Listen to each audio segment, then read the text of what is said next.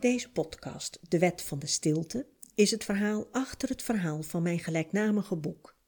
Reis met me mee naar het fascinerende Colombia en ontdek met mij hoe de mensen omgaan met het verleden van de oorlog en met de wet van de stilte. In mijn vierdelige podcast wordt de wet van de stilte doorbroken, omdat de mensen die ik ontmoet openhartig hun verhalen vertellen. Ik ben Karin Anema, journalist en schrijfster.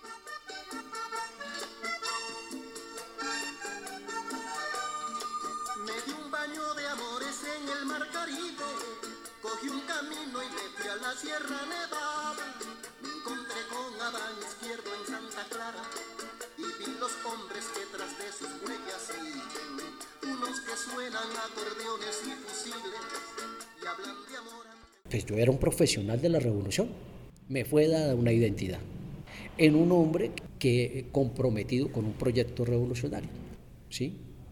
Un transformador social.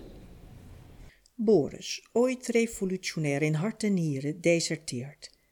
Eenmaal terug in de maatschappij is hij zijn identiteit kwijt. Hij is niemand meer. Behalve oud-strijders uit verschillende hoeken komen er diverse slachtoffers van de burgeroorlog op mijn pad. Zoals Blanca, een moeder die na de brute moord op haar dochter strijdt voor rechtvaardigheid. Que haya verdad, que haya justicia y que ellos confiesen y digan por qué lo hicieron. Ben je nieuwsgierig hoe de plaatselijke bevolking in Colombia leeft? Of ben je misschien een leunstoelreiziger?